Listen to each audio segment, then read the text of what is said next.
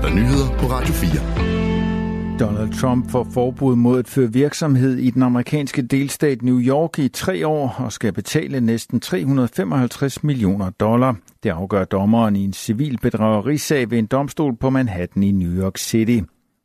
Beløbet, som Trump skal betale, svarer til knap 2,5 milliarder kroner. Sagen var rejst af New Yorks justitsminister, som beskyldte den tidligere amerikanske præsident og hans familievirksomhed Trump Organization for kunstigt at have oppustet virksomhedens værdi. Det skulle være sket for at få bedre låneforhold.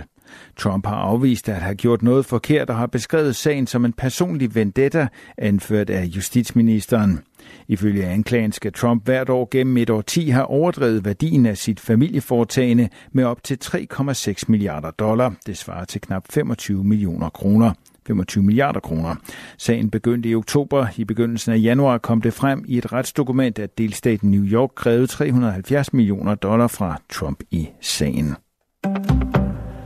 Der er især udsigt til, at det ukrainske luftforsvar kan blive opdateret efter, at præsidenterne fra henholdsvis Frankrig og Ukraine her til aften har underskrevet en ny bilateral sikkerhedsaftale.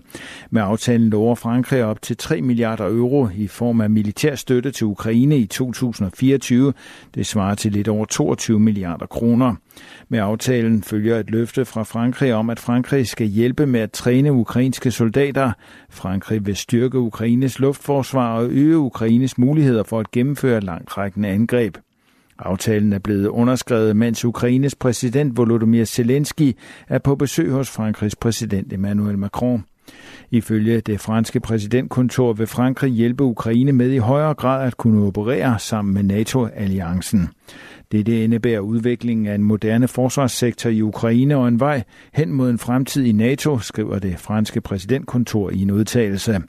Frankrig lover generelt en vedvarende levering af våben til Ukraine.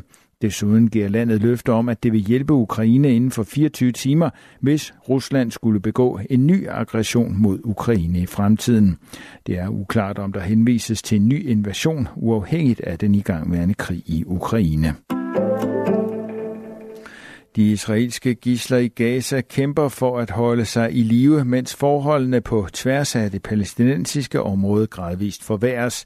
Det siger Abu Ubaida, der er talsmand for Hamas' væbnede gren, Sedin al-Qassam-brigaderne i en tv-udtalelse. De sårede og syge fjendtlige fanger gennemlever nogle meget svære forhold og kæmper for at holde sig i live. Dette er ikke overraskende, fordi alt som vores folk lider under, det være så sult, tørst eller mangel på medicinsk hjælp, er også det, som fangerne lider under, siger Abu Ubaida. Han siger videre, at det er Israels offensiv mod Gaza, der er årsagen til, at gislerne befinder sig i en svær situation. Både israelere og personer fra andre lande blev taget som gidsler, da Hamas angreb Israel 7. oktober sidste år.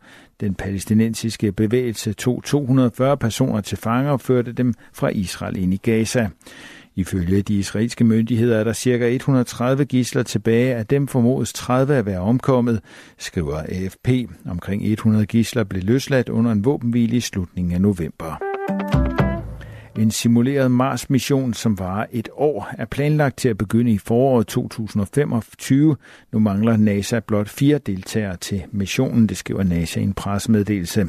Det er den anden af i alt tre planlagte missioner. NASA søger fire frivillige amerikanske deltagere, som over et år skal leve og arbejde i Mars Dune Alpha, som er et 3D-printet miljø. Der skal de simulere de udfordringer, man vil møde på Mars. Mars Dune Alpha ligger ved NASA's Johnson Space Center i Houston. Udfordringerne, som deltagerne skal takle, er blandt andet knaphed af ressourcer, udstyr, der går i stykker og forsinkelser i kommunikationen med jorden.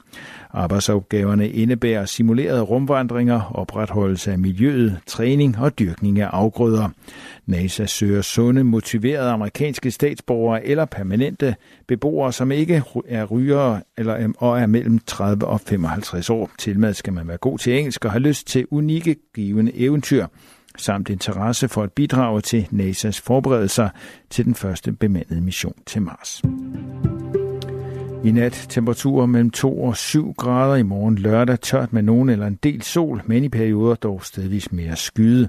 Temperaturer op mellem 4 og 9 grader. Det var nyhederne på Radio 4. De blev læst og redigeret af Thomas Sand.